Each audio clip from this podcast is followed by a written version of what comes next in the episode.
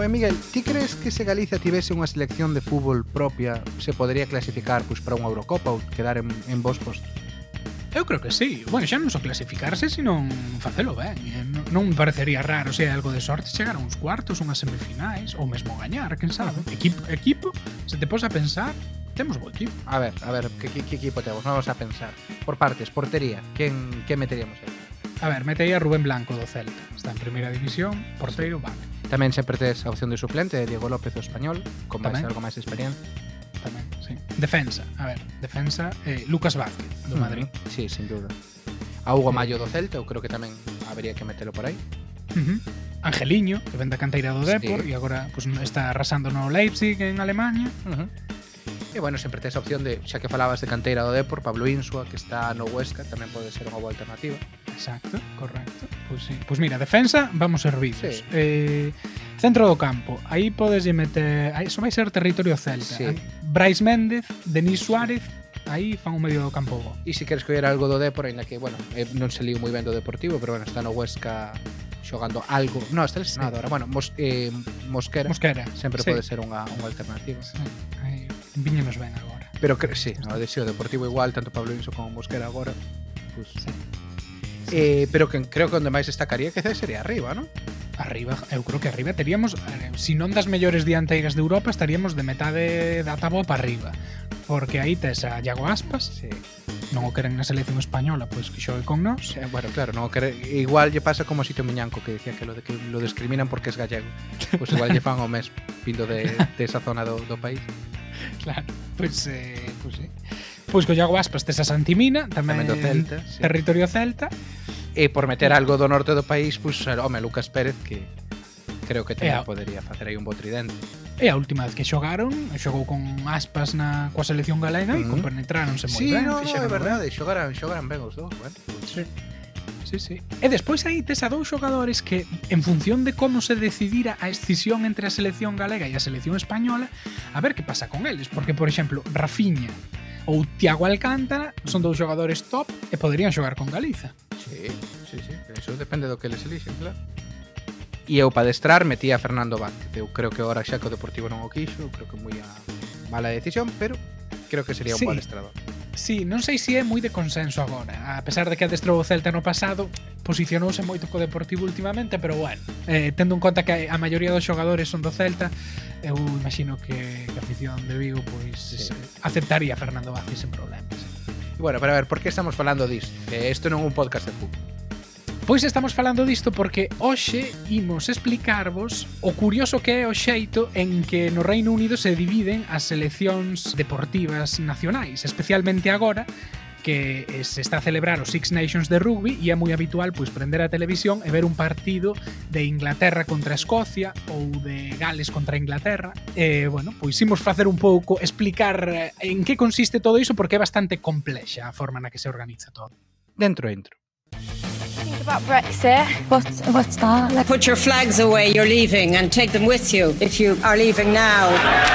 with the light, with the music. Very welcome everybody here. You're joking. There's too much politics going on at the moment. Hi, folks. I've developed mild symptoms of the coronavirus. The nose to the left, 432. Would you like a cup of tea? Yeah, Go sure. on, have a cup of tea. Thank you, thank you. Pois sí, como estabas dicindo agora na intro, Miguel, estáse xogando neste momento o Six Nations, que para quen non o coñeza é un torneo europeo de rugby moi importante e sempre xogan os mesmos seis países que son Inglaterra, Gales, Escocia, Irlanda, Italia e, e, e máis Francia. E claro, este é un torneo moi emblemático do para, para o deporte, pero hai unha cousa que chama poderosamente a atención, que é que o Reino Unido, como Estado, pois ten catro equipos distintos, Inglaterra, Gales, Escocia e máis e máis Irlanda, catro das seis nacións son eh, en polo menos en parte do, do Reino Unido. Isto non é moi normal ou non é necesariamente ao que estamos habituados no Estado español, onde sempre hai unha visión moi única non da representación deportiva internacional. Claro, en España máis de algún lle estouparía a cabeza. Eu non fora consciente disto ata aí relativamente pouco que pensei Claro, é certo, é dicir, o Reino Unido ten varias seleccións nacionais e non pasa nada. Pero pero sí, e en España, pois eh, como algúns saberedes, é un tema eh, recorrente, especialmente pois por parte de Cataluña e o País Vasco, eh, levan anos eh, puxando por isto e tamén en Galiza, non? E recentemente, de feito, a semana pasada, eh, o deputado do BNG no Congreso dos Deputados, Néstor Rego, levou unha iniciativa eh, para que fixeran oficiais as eleccións deportivas galegas, e como dicías, pois a resposta atado agora é non, a única representante representante internacional en competicións deportivas eh, é España, de acordo co goberno español, eh, e nesas estamos, pero mm, pois hai países eh, próximos como o Reino Unido onde onde é diferente. Claro, pero como vai, como vai esta historia? Non imos empezar a facer un pouquiño de de retrospectiva e intentar entender o complexo sistema deportivo do Reino Unido. Aquí casi que nos viña ben, mira, se si isto fose unha canal en YouTube, tiñamos que poñer esta, esta ligazón de eh, por favor, tedes que ver este vídeo antigo que fixemos, porque sacamos hai uns meses un test en Gotes no que falábamos de todas as complexidades, as distintas nacións, os distintos territorios do Reino Unido que creo que iba bastante ao detalle. Pero coas, con que nos temos que quedar? Así de, de resumo, Miguel. Claro, a ver, témonos que quedar con que nos deportes máis populares do Reino Unido, cada unha das catro nacións que compón o Reino Unido, é dicir, Gales, Inglaterra, Escocia e Irlanda do Norte, que oficialmente eh, son as catro nacións que compoñen o Reino Unido, teñen a súa selección nacional. Polo menos no caso do fútbol. No caso do fútbol teñen as catro. Despois hai pequenos matices con outros deportes, pero esa É a idea principal coa que vostedes que quedar. Catro nacións que compoñen o Reino Unido e as catro teñen a súa selección. Claro, pero aquí entra unha cuestión histórica. Porque, bueno, lembremos que o fútbol, e de aí está o nome, no? fútbol, eh, nace aquí, nace no, no Reino Unido. Entón, claro, cando se empeza a xogar, as primeiras competicións, digamos, eh, que van máis alá dos clubs, que son seleccións internacionais, nacionais, internacionais, claro, fanse dentro das propias nacións eh, constituintes. Que, cal fora o primeiro partido? Eh... Fora eh, eh, Inglaterra contra Escocia. Vale. Que de feito, bueno, isto xa para eh, especialmente xente que coñeza Londres ou viva en Londres, o primeiro partido foi no estadio de, de Oval, que está que está no sul de Londres. Eh, e foron Inglaterra contra Escocia, ma non tropo, porque a selección de Escocia eran escoceses residentes en Londres. Pero bueno, xa. foi o primeiro, era o que daquela lle chamaban a British Home Championship. E isto foi a finais pues, do pois, século XIX? Eso foi, isto foi no ano 1870, foi claro. o primeiro partido internacional. Claro. E, e despois chegaría a Gales, foi a terceira selección no uh -huh. 76. E máis adiante, bueno, xa moito máis adiante viría o caso de de Irlanda do Norte. Mm. Pero bueno, aí aí comeza, entonces, a medida que o fútbol se empeza a implantar nos noutros países e que se comezan a crear competicións internacionais, respétase esta orixe fundacional do fútbol que tiña a división das, das distintas seleccións eh, británicas e, bueno, pois aí aí quedou. Pero o curioso é que tamén se estendeu a, a máis deportes, non? Claro, sí, por exemplo, eh, no rugby ou no cricket, que son, por así dicilo, os dous grandes deportes eh, no Reino Unido, un país onde, por exemplo, o baloncesto é totalmente secundario, non hai tanta afición, pois no rugby e no cricket tamén hai seleccións de Inglaterra, de Escocia e de Gales, pero non hai de Irlanda do Norte. Isto é unha curiosidade. Aquí xa entra eh, o tema máis eh, peliagudo político do conflicto de Irlanda e as divisións de Irlanda, porque neste caso Irlanda xoga unida, non? Sí, sempre así, non? Da, da igual que falemos de Brexit que de fútbol ou de deporte. Irlanda, Irlanda do Norte sempre. Bueno, esta historia e agora vamos a falar sección de Irlanda do Norte. Tiñamos que ter unha cortina, unha cortiniña, non? Tin, tin, tin, así algo para falar de, da excepción irlandesa. Pois efectivamente, en Irlanda hai para moitos deportes que non son o fútbol, nos cales se xoga, eh, digamos, con un, unha selección de toda a illa norte e sur, é dicir, norte dependente do Reino Unido e sur República Independente de, de Irlanda un dos exemplos máis paradigmáticos é o rugby porque, bueno, ten unha, unha selección bastante decente e xógase e xógase con toda ella e aí hai unha cousa super rara e super curiosa que é que teñen un himno propio. Feito expresamente para a selección. Claro, como como non poden cantar o God Save the Queen claro. ou non poden cantar o himno de Eire por, bueno, por razóns políticas evidentes, por, pois inventaron un hino Chamase o Ireland's Call, a chamada de Irlanda, algo así, sí, eh, velo nos estadios eh, con todos os xogadores e afición cantando ese himno, pois que o, non sei se será o único himno que une a, a illa de Irlanda como tal. Pero pero sí, sí que sí que é moi curioso. E falando de himnos tamén, acontece co caso de Inglaterra unha cousa moi curiosa, e é que cando xoga Inglaterra os partidos de fútbol, por exemplo, o que sona é o God Save the Queen, que é o himno do Reino Unido. É dicir, que pode ser que estea xogando Inglaterra contra Gales, Gales ten o seu himno propio, e, e Inglaterra pois cantará e sonará o himno que tamén é o himno de Gales, porque é o himno do, do Reino Unido. Pero aí hai un... O cal é moi, é moi confuso. Claro, é moi confuso. Pero aí hai unha curiosidade a maiores porque eh, ás veces Inglaterra emprega outro himno que se chama o Jerusalem, que, bueno, fai referencia a, a Inglaterra e a campiña de Inglaterra, e, e é como o himno non oficial, porque, claro, Inglaterra como tal non ten parlamento, non, non ten un goberno regional de Inglaterra, por así dicilo, tampouco ten un, un himno tampouco propio, himno. claro. Eh, bueno, o Jerusalem utilizouse algunha ocasión, porque tamén hai dúbidas de cal sería o hino de Inglaterra, non necesariamente.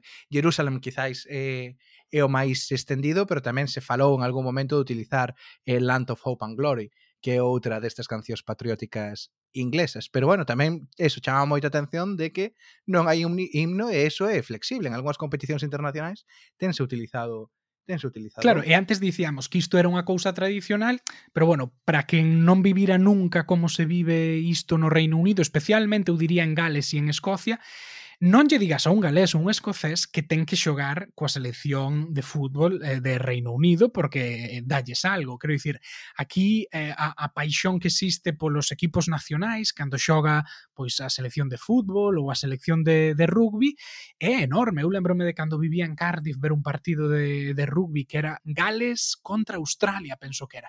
E era espectacular, a, xente, a rúas cheas de xente cantando himno coas bandeiras e hai moita rivalidade con Inglaterra Inglaterra, a pesar de que despois non, non son necesariamente eh, independentistas ou nacionalistas galeses ou escoceses, pero sí que hai eh, pois moita vinculación e moito aprecio polas seleccións deportivas das súas nacións, porque bueno, pois ven de lonxe e as identidades aí están están moi marcadas polo menos no cultural e no deportivo hai uns anos saíra un anuncio, creo que era do Royal Bank of Scotland, non? Que saíra na BBC, eh, para promocionar o, o Seis Nacións. E víanse pois a seareiros de distintos países non que conformaban pois que xogan os Seis Nacións, pois galeses, un grupo de galeses coa bandeira, e o único que decían era England e un grupo de franceses dicindo England, un grupo de escoceses dicindo England, todo o mundo decía England. E despois chegaba un grupo de seareiros ingleses e dicían uh, Scotland, uh, Wales, entonces empezaban a, a discutir entre eles sobre que país mencionar. E o slogan era,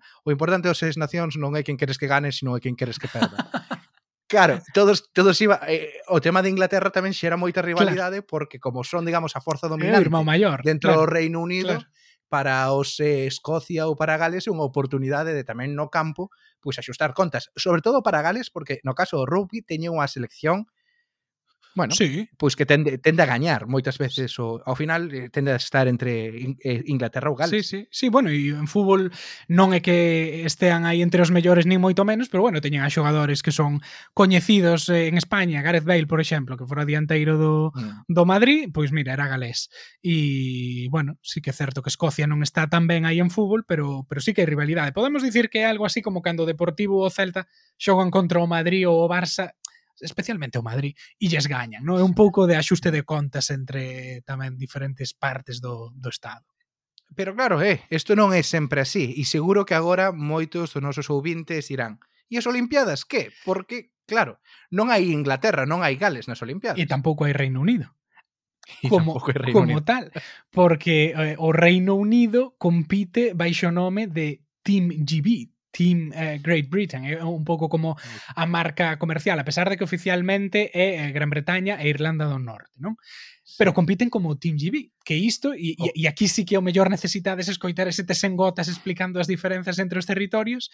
Claro, Gran Bretaña é só a illa de Gran Bretaña, é dicir, a illa grande da dereita onde está Inglaterra, Gales e Escocia pero exclúe a Irlanda do Norte e tamén exclúe a outros territorios como a Illa de Man ou como Gibraltar, que nas Olimpiadas eh, forman parte do equipo do Team GB. Claro, porque non son Reino Unido, eso in, eh, tedes que escoitar outro podcast, pero bueno, están baixo soberanía británica, xo, eh, participan nas Olimpiadas baixo equipo británico, pero non oficialmente non son necesariamente parte do Reino Unido. Claro, de, bueno, de feito, agora que menciono Gibraltar, Gibraltar ten a súa propia selección de fútbol, que é a típica selección que xoga uh -huh. os amigables contra España e lle caen 16-0, eh, estilo San Marino. Eh, pero bueno, sí, forman parte dese, dese equipo de, de Olimpiadas, pero bueno, pois pues con, con esa denominación. E dase a, a situación cuestión curiosa mm, de que a xente de Irlanda do Norte pode elixir entre formar parte do Team GB ou formar parte da selección da República de Irlanda, non? Sí, outra vez aquí, sección Irlanda, Irlanda do Norte. Sí. Eh, claro, en Irlanda do Norte, por cuestións políticas, eh, permítese que unha persoa nacida en Irlanda do Norte poda acceder sin ningún problema ao pasaporte da República. Uh iso implica que poden elixir si eles, vale, naceron en Belfast, viviron en Belfast, automáticamente teñen tamén dereito a pasaporte irlandés e poden, si queren competir con, con irlandés, tamén se aplica a outros deportes, eh? Eh, tamén, por exemplo, pode pasar no caso do fútbol, se queren ir coa selección da República ou coa selección de Irlanda do Norte e máis se ti vas a Belfast, te ves nos murais e nas digamos, nas representacións políticas públicas que o caso da selección de Irlanda do Norte tamén se utiliza pois como un elemento político. Uh -huh. Entón está moi moi connotada co bando unionista, se polo, por, polo, pola contra, pois a selección da República está máis asociada co, co nacionalismo irlandés. Sí. Pero é sí, é unha curiosidade, non? O Team GB non é necesariamente de todo GB. Claro. E a maiores de a maiores das seleccións nacionais, a maiores do equipo olímpico, pois claro, cando se fala de países e fronteiras, as ligas, eh, pois por exemplo, a Liga de Fútbol eh, tamén forma parte dese xogo, non? Cantas veces non escoitamos iso de se se independiza Cataluña vai xogar o Barça contra el Tarrasa. Eh, bueno, pois o Reino Unido é un exemplo máis de que iso non é necesariamente así. Por exemplo, a Premier League, a clásica liga británica onde xogo Manchester United, o Chelsea, etc., etc., é a Liga de Inglaterra e de Gales. Por exemplo, o Swansea uh uh, pois xoga nesa Premier League. Pero, sin embargo, Escocia e Irlanda do Norte teñen as súas divisións á marxe, a pesar de que ao uh -huh. mellor os seus equipos non sexan tan competitivos. Claro, en, en na Liga Escocesa temos os coñe, archicoñecidos eh, o Derby de Glasgow, non? Entre os eh, Celtic e, e os Rangers. En Irlanda do Norte non teño nin idea de quen xoga ali. Eu tampouco. Non debe ser moi boa, claro. pero existe. No, e, e, e ademais os barrios unionistas, claro, porque eh, ah, esa é outra. Aquí outra vez Irlanda, cortinilla Irlanda. Irlanda. que pasa en Irlanda? Eh, non necesariamente todos os equipos xogan na Liga de Irlanda do Norte. Isto descubrichelo ti facendo esta documentación. Quen xoga fora da Liga de Irlanda do Norte, Miguel. Pois Derry, eh, que é unha das cidades pois máis nacionalistas, eh, forma parte do territorio de Irlanda do Norte, pero xoga na Liga da República de Irlanda. E isto foi así históricamente, eh, polo que lin, penso que pasaron 13 anos eh, sen competir despois das, dos, dos, das troubles que houbo, uh, que foron nos anos 70 ou 80 Bueno, 70 hasta os 90. Hasta os 90. Bueno, pero foron aí, especialmente creo que a partir dos 70 pasaron eh, 13 anos sen competir nesa liga, pois polo porque non había, uh, bueno, forma de garantir a seguridade. Bueno, recordemos que había zonas de derri, momentos naquela naquela época na que a policía e o exército non podía entrar en determinadas zonas da cidade. Claro. Entón, naquela época, pois non xogaron, pero, bueno, pois eh, históricamente sí que facían parte da, da Liga da República de Irlanda. Entón, pois, outra curiosidade máis de ata que punto pois están misturadas ambas eh, repúblicas, amba, ambos territorios de, da Illa de Irlanda a nivel deportivo. Pero bueno, a, con todo, hai equipos ou hai deportes nos que se sigue xogando como Reino Unido. Isto tampouco é algo que sirva eh, para todo. Eh, por exemplo, en balonmán é certo. xogan como como Reino non, Unido, non son moi matados bons, e non claro. se, non se clasifican para nada. Claro.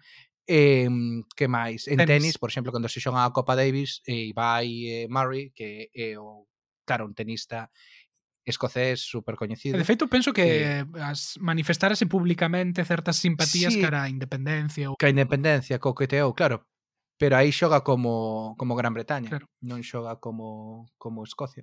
Entón non hai unha norma, isto funciona así. Bueno, é moi moi británico, non? Isto de, bueno, xa xa vamos vendo e cuál é o precedente histórico de hai 200 anos, bueno. Pues... Leis non escritas, eh, pero bueno, pois coa, co, co agravante de que no Reino Unido pois moitos destes deportes teñen a cuna aquí E, e bueno, cando chegaron a outros países do mundo, no Reino Unido xa estaba consolidada esa rivalidade entre entre as diferentes nacións do reino.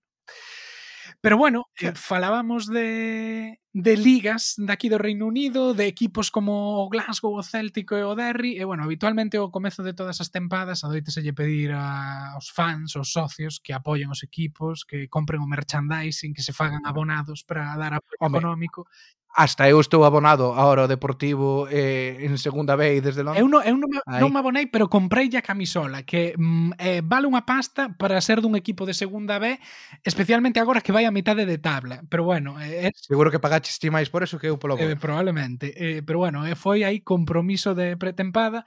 E, e bueno, claro, pois hai xente que lle pide aos socios apoio e nós, pois se existir algo así como unha liga da, dos podcasts en galego, pois tamén vos pedimos apoio, así que xa sabedes que tedes o Patreon, eh, a nosa plataforma para facervos suscriptores e acceder a contido exclusivo e tamén merchandising en función do, do prezo que paguedes e podedes facervos membros da nosa comunidade en eh, www.patreon.com barra tecongotas. Aí podedes podedes apoiarnos e, bueno, máis alá dese apoio monetario e simbólico, pois acceder a todo o contido exclusivo que sacamos eh, cada dúas semanas.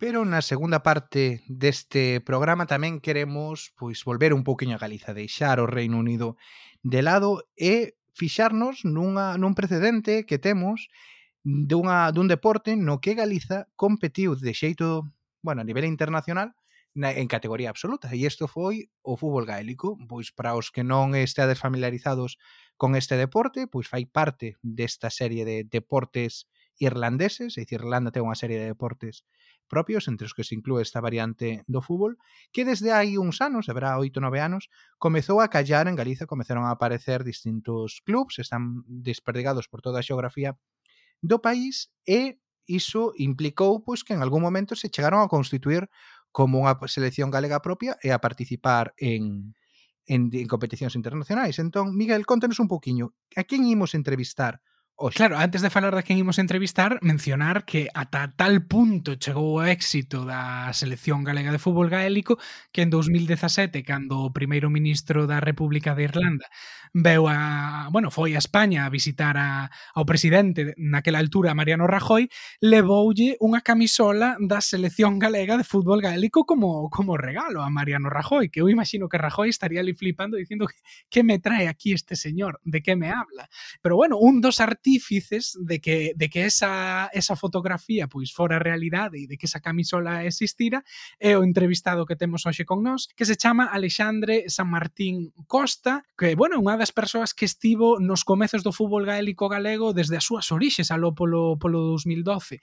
Ele é agora comisionado da Selección Galega de Fútbol eh, Gaélico, adestrador eh, da selección masculina e coordinador, por así dicilo, da formación dos adestradores de fútbol gaélico a nivel europeo. Alexandre, que tal? Ola, boa tarde, que tal? Como foi posible eh, que Galiza acabara mm, participando nunha competición internacional de fútbol gaélico?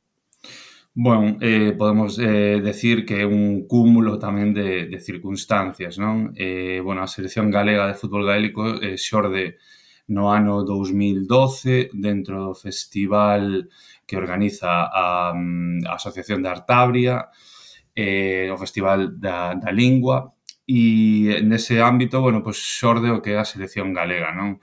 Eh, digamos que o primeiro partido que se organizou da selección galega pois foi organizado por tres por tres asociacións colectivos clubs, que es, bueno, naquela altura eran Xareiros Galegos, era a Fundación Artabria e eh, o club eh, a Coruña Fillos de Breogán, non? Entón, bueno, dai xorde ese primeiro partido, a raíz dese partido mm, podemos decir que comezan a xurdir outros clubs eh, por, por Galiza, E pasados, pois transcorridos dous anos aproximadamente, pois a GAA, dentro dun programa de, de desenrolo do, do fútbol gaélico a nivel mundial, pois propón que se organicen uns xogos mundiais. Non? Estos xogos mundiais pois, eh, celebranse en, en Abu Dhabi, Eh, foi todo un pouco a presas a correr, pero bueno, finalmente conseguimos eh, pues que fose un, unha representación con un equipo masculino e, e tamén con un equipo eh, feminino, non? Entón, bueno, a raíz dese, dese, deses primeiros xogos mundiais, nos que só participaron eh, 4 ou 5 equipos por disciplina, eh, deuselle continuidade e os seguintes xogos que foron pois, o seguinte ano eh, xa houbo eh, pois, moita máis participación. Non? Creo que foron pois, sobre 12 ou 13 en categoría masculina e 9 ou 10 na, na feminina. Non? Entón, bon, esa idea pois, continúa eh, e tamén paralelamente xorde o que serían os xogos europeos eh, que, que virían a ser bueno, unha especie de Eurocopa que se fai tamén a nivel europeo e, bueno, digamos que foi un pouco pues, eh, varias circunstancias que se deron no tempo e que, que levaron a iso. E o resultado non foi malo, non? Porque se non lebrou mal, a selección galega feminina fora campeona de Europa en 2018. Non sei como lle foi a masculina ou nas diferentes convocatorias que houbo, como como lle foi a Galiza. Bon, a masculina eh, acadou o terceiro posto no Mundial de 2016, creo recordar que foi o ano, e, e tamén pois, un subcampeonato de, de Europa no 2019 e a feminina eh, conseguiu o campeonato ese de Europa eh, e eh, no anterior mundial, que foi no 2019, conseguiu a, o bronce eh, tras perder unhas semifinais contra contra as campeonas que, que, que, que foron Nova York, non? Entón, sí, eh, o nivel eh, é bo, eh, obviamente pois pues, hai que seguir traballando porque queda moito por facer, sobre todo con contra eh, equipos que, que, que, que comenzan dende a base, hai que ter en conta que a, a maioría dos nosos xogadores e xogadoras pois pues, eh, comenzan xa en idade adulta, non? Entón, bueno, tendo todo isto en, en conta, as limitacións, pois os resultados, dende logo, pois son, son moi positivos, non? Uh -huh. Unha, unha curiosidade que, vale, é, é verdade, é evidente que desde o ano, pois como dicía, sí, desde o ano 2012 que a cantidade de equipos de fútbol gaélico que hai e eh, por todo o país pois medrou moito, hai cada vez máis xente involucrada e que Galiza dentro do que é o Estado pois unha potencia dentro do fútbol gaélico, pero unha cousa que nos chamou poderosamente a atención é que nestas competicións internacionais o xeito de organizarse fose como Galiza e non como España, que é o que estamos habituados a ver nas competicións internacionais. Como foi iso? Foi algo que, digamos, desde a GAA a, a aceptaron con normalidade ou, ou foi algo é algo típico deste deporte? Eh, digamos que dentro deste deporte unha das cousas eh, máis importantes, por non decir prácticamente a máis importancia, a máis importante é a pertenza a un territorio, non? Eso é a, a clave, sobre todo, a hora de entender este deporte. Eh, o que pasa é que cando falamos dos, dos xogos mundiais é un concepto moi amplo, é dicir, eh, o que sería o tema seleccións a nivel mundial non está de todo desenrolado, é dicir, aínda pois, en uns xogos mundiais podeste atopar pois, xogar contra Nova York, contra Galiza ou ao mesmo tempo pois, podes xogar contra Argentina. É dicir, permítense, digamos, eh, nacións, rexións, o sea, é un concepto moito máis amplo. E a nivel europeo, pois eh, tamén, só que está un poquinho máis definido, non? Entón, bueno, allí é o que o que quere é que se promova o deporte fora das de fora de Irlanda eh, e eles pois encantados, non? De que cantos máis equipos, máis xente, e sobre todo pois este concepto que mencionaba ao principio, non? Que é a pertenza a un, a un territorio, non? Pero polo demais sen problema, non? De feito eles pois están moi contentos, sobre todo con o noso caso e co caso Bretón, Uh -huh. eh, incluso en moitas convencións eh, falan de nós como un exemplo, así que, bueno, pues, eh, por ese lado, perfecto. O caso Bretón, Bretón é curioso porque, bueno, polo que estiven vendo na páxina eh, da, de, dos xogos de, de 2019, xogaron simultaneamente Bretaña e Francia como entidades separadas. Sí, sí, eh, eso é totalmente normal e no meu, desde o meu punto de vista eh, debería ser normal en, en moitas outras disciplinas deportivas, non, non, non sorprenda a nadie. Non? Non, e, e, de feito, este tipo de cousas fanse con, con total normalidade, é dicir, incluso, bueno, hai unha, unha pequena rivalidade entre eles, unha rivalidade que é san, pero pero que se ve con, con total normalidade, ninguén se extraña, vamos, o sea, o que lle chama a atención é a xente pois que quizás pois ten esas connotacións ou que eh, a veces, sobre todo, cando nos referimos a deportes máis mayoritarios, hai estas polémicas, non? Neste deporte a xente non, o sea, o ve con total normalidade, non, non extraña a ninguén, vamos. Claro, pero bueno, xa sabemos que no caso do Estado español, por exemplo, bueno, Galiza é un dos, dos principais focos, non? Onde máis equipos hai de fútbol gaélico, pero tamén sabemos desa tendencia a centralizar todo eh, por parte de España. Non sei se hai equipo de fútbol gaélico español ou se houve algún tipo de conflicto polo feito de que houbera unha selección galega que, e non fose española, algo así. Non, conflicto nunca houbo. Hai que tamén ter en conta que realmente, a ver, eh, fora do que o territorio galego existen bastan, bueno, bastantes clubes, existen pois pues, unha serie de clubes en Madrid, en Barcelona, en Valencia, en Andalucía existen 4 ou 5. O que pasa que tamén hai que ter en conta que a maioría destos clubes están compostos por irlandeses. Entón, digamos que españois, eh, pois pues, bueno, eh, cada vez hai máis, pero aínda non, non chegan a números, eh, como os que quizás teníamos aquí, tienen xogadores e xogadoras, pero bueno, non tantos xogadores e xogadoras como podamos ter aquí. Pero, xa che digo, con, diría que a palabra é normalidade, ou seja, eles saben que nós temos unha selección, que, dende, que estamos aí dende o inicio, desde os primeiros torneos, que nós traballamos eh, a prol eh, da nosa selección e vamos, eh, creo que a palabra sería con normalidade, ninguén se extraña, non hai nin conflitos, nin hai nada, absolutamente nada. Eh, les respetan o noso, non respetamos o deles e, e penso que así debería de ser en moitas outras tamén disciplinas, non? Claro, falabas antes de que a Asociación Atlética Gaélica puña vos a, bueno, a Galiza e a Bretaña como exemplos. Ti, de feito, bueno, estiveraste formando eh, ali en Irlanda como adestrador. Non sei, como reciben eles eh, pois a chegada dun galego ou o feito de saber que en Galiza ten tanto arraigo un deporte como, como o fútbol gaélico? Bon, a verdade é que eh, é bastante curioso porque eles sorprendes de primeiras eh, sorprendelles moito, non? Eu recordo cando estiven, eh, bueno, estiven ali un mes, mes e pico facendo algún curso e tal, e ao principio é que, que, que alucina, non? É como, non sei, imagínate que nós temos aquí un deporte noso, non? Pois non sei, o mellor, eh, salvando as diferenzas, non? Eh, imagínate que a billarda, non? Por exemplo, ou a loita galega.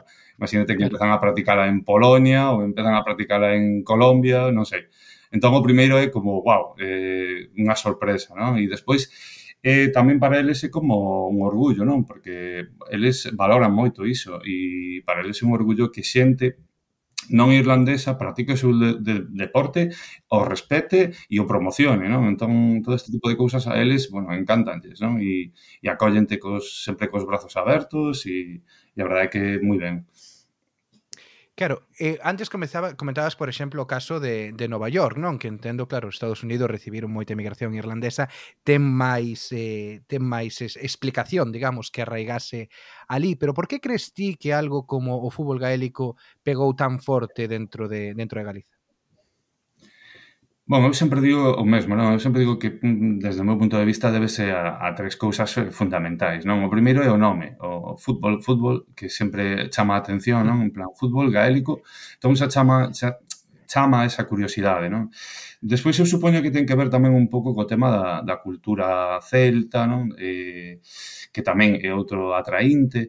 E por último, eh, eu creo que tamén é moi importante o feito de poder representar o teu país, non? Poder representar a, a Galiza que sempre eh, chama a atención e, bueno, levar a camiseta da selección galega polo mundo adiante, pois sempre tamén pois é un orgullo, non, para todas e todos os galegos. Entón, eu creo que esos tres factores son os que mm, quizás máis influen a hora mm, de que unha persoa se anime a, a probar o deporte. Non? E logo que tamén, pois, bueno, hai que ter en conta que é un deporte que é amateur, que prácticamente todo mundo se pode iniciar nel e que ten este, esta, este terceiro tempo, non? que tamén ten esa parte divertida, lúdica, non? Que, que tamén eh, gusta e que quizás en outros deportes pois xa se perdeu tamén.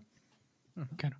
A pesar de ser un deporte amateur e de, bueno, ter así unha orixe tan popular, non, de, de, de equipos de base, xa chegou, bueno, pois pues, ten unhas dimensións considerables ata o punto de estar participando en, en competicións internacionais. Tedes algún tipo de colaboración por parte da, da administración pública, das deputacións, da Xunta de Galiza, algo algo similar?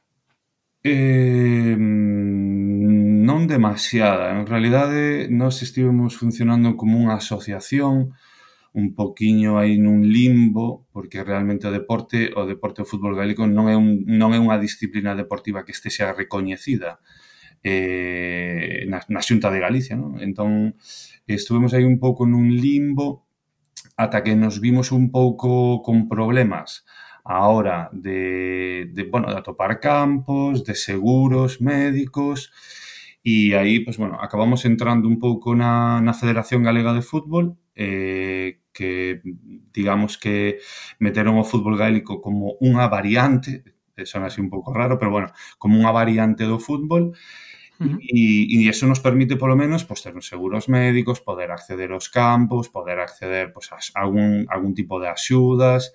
Entón, digamos que es, ese paso de poder eh, visualizarnos e poder estar dentro de, de, un, de unha federación axudou nos últimos anos a que podamos acceder a máis a máis infraestructuras, campos, eh, axudas, Entón, bueno, nese aspecto, estes últimos anos a cousa vai mellor. Inicialmente, eh, sí que era todavía máis precario, non? Moi ben, pois Alexandre San Martín, moitas grazas por este tempo e moitos eh, azos pois para a volta, digamos, ás competicións internacionais cando cando a COVID o permita. Grazas ben, por estar con Gracias a vos. Pois ata aquí o podcast desta semana. Saímonos un pouquiño do, da nosa chapa sobre política habitual Que, bueno, non está mal facelo de cando en cando Pero non vos preocupar que volveremos con Brexit e con Escocia nas próximas semanas. Pero, bueno, entre mentres, se queredes seguir a actualidade británica e, e seguir o que nos estamos facendo Non esquezades de suscribirvos ao noso newsletter. Podedes acceder a través da nosa página web en tecongotas.com E, como xa dixo Miguel antes, non esquezades de que temos un pequeno Patreon. Se queredes apoiar o que estamos facendo, pois collede unha suscripción desde 2,50 euros pois eh, en diante hasta, hasta os 10 a nos axúdanos moito a manter isto eh, funcionando. En calquera caso escoitámonos eh, dentro de dúas semanas.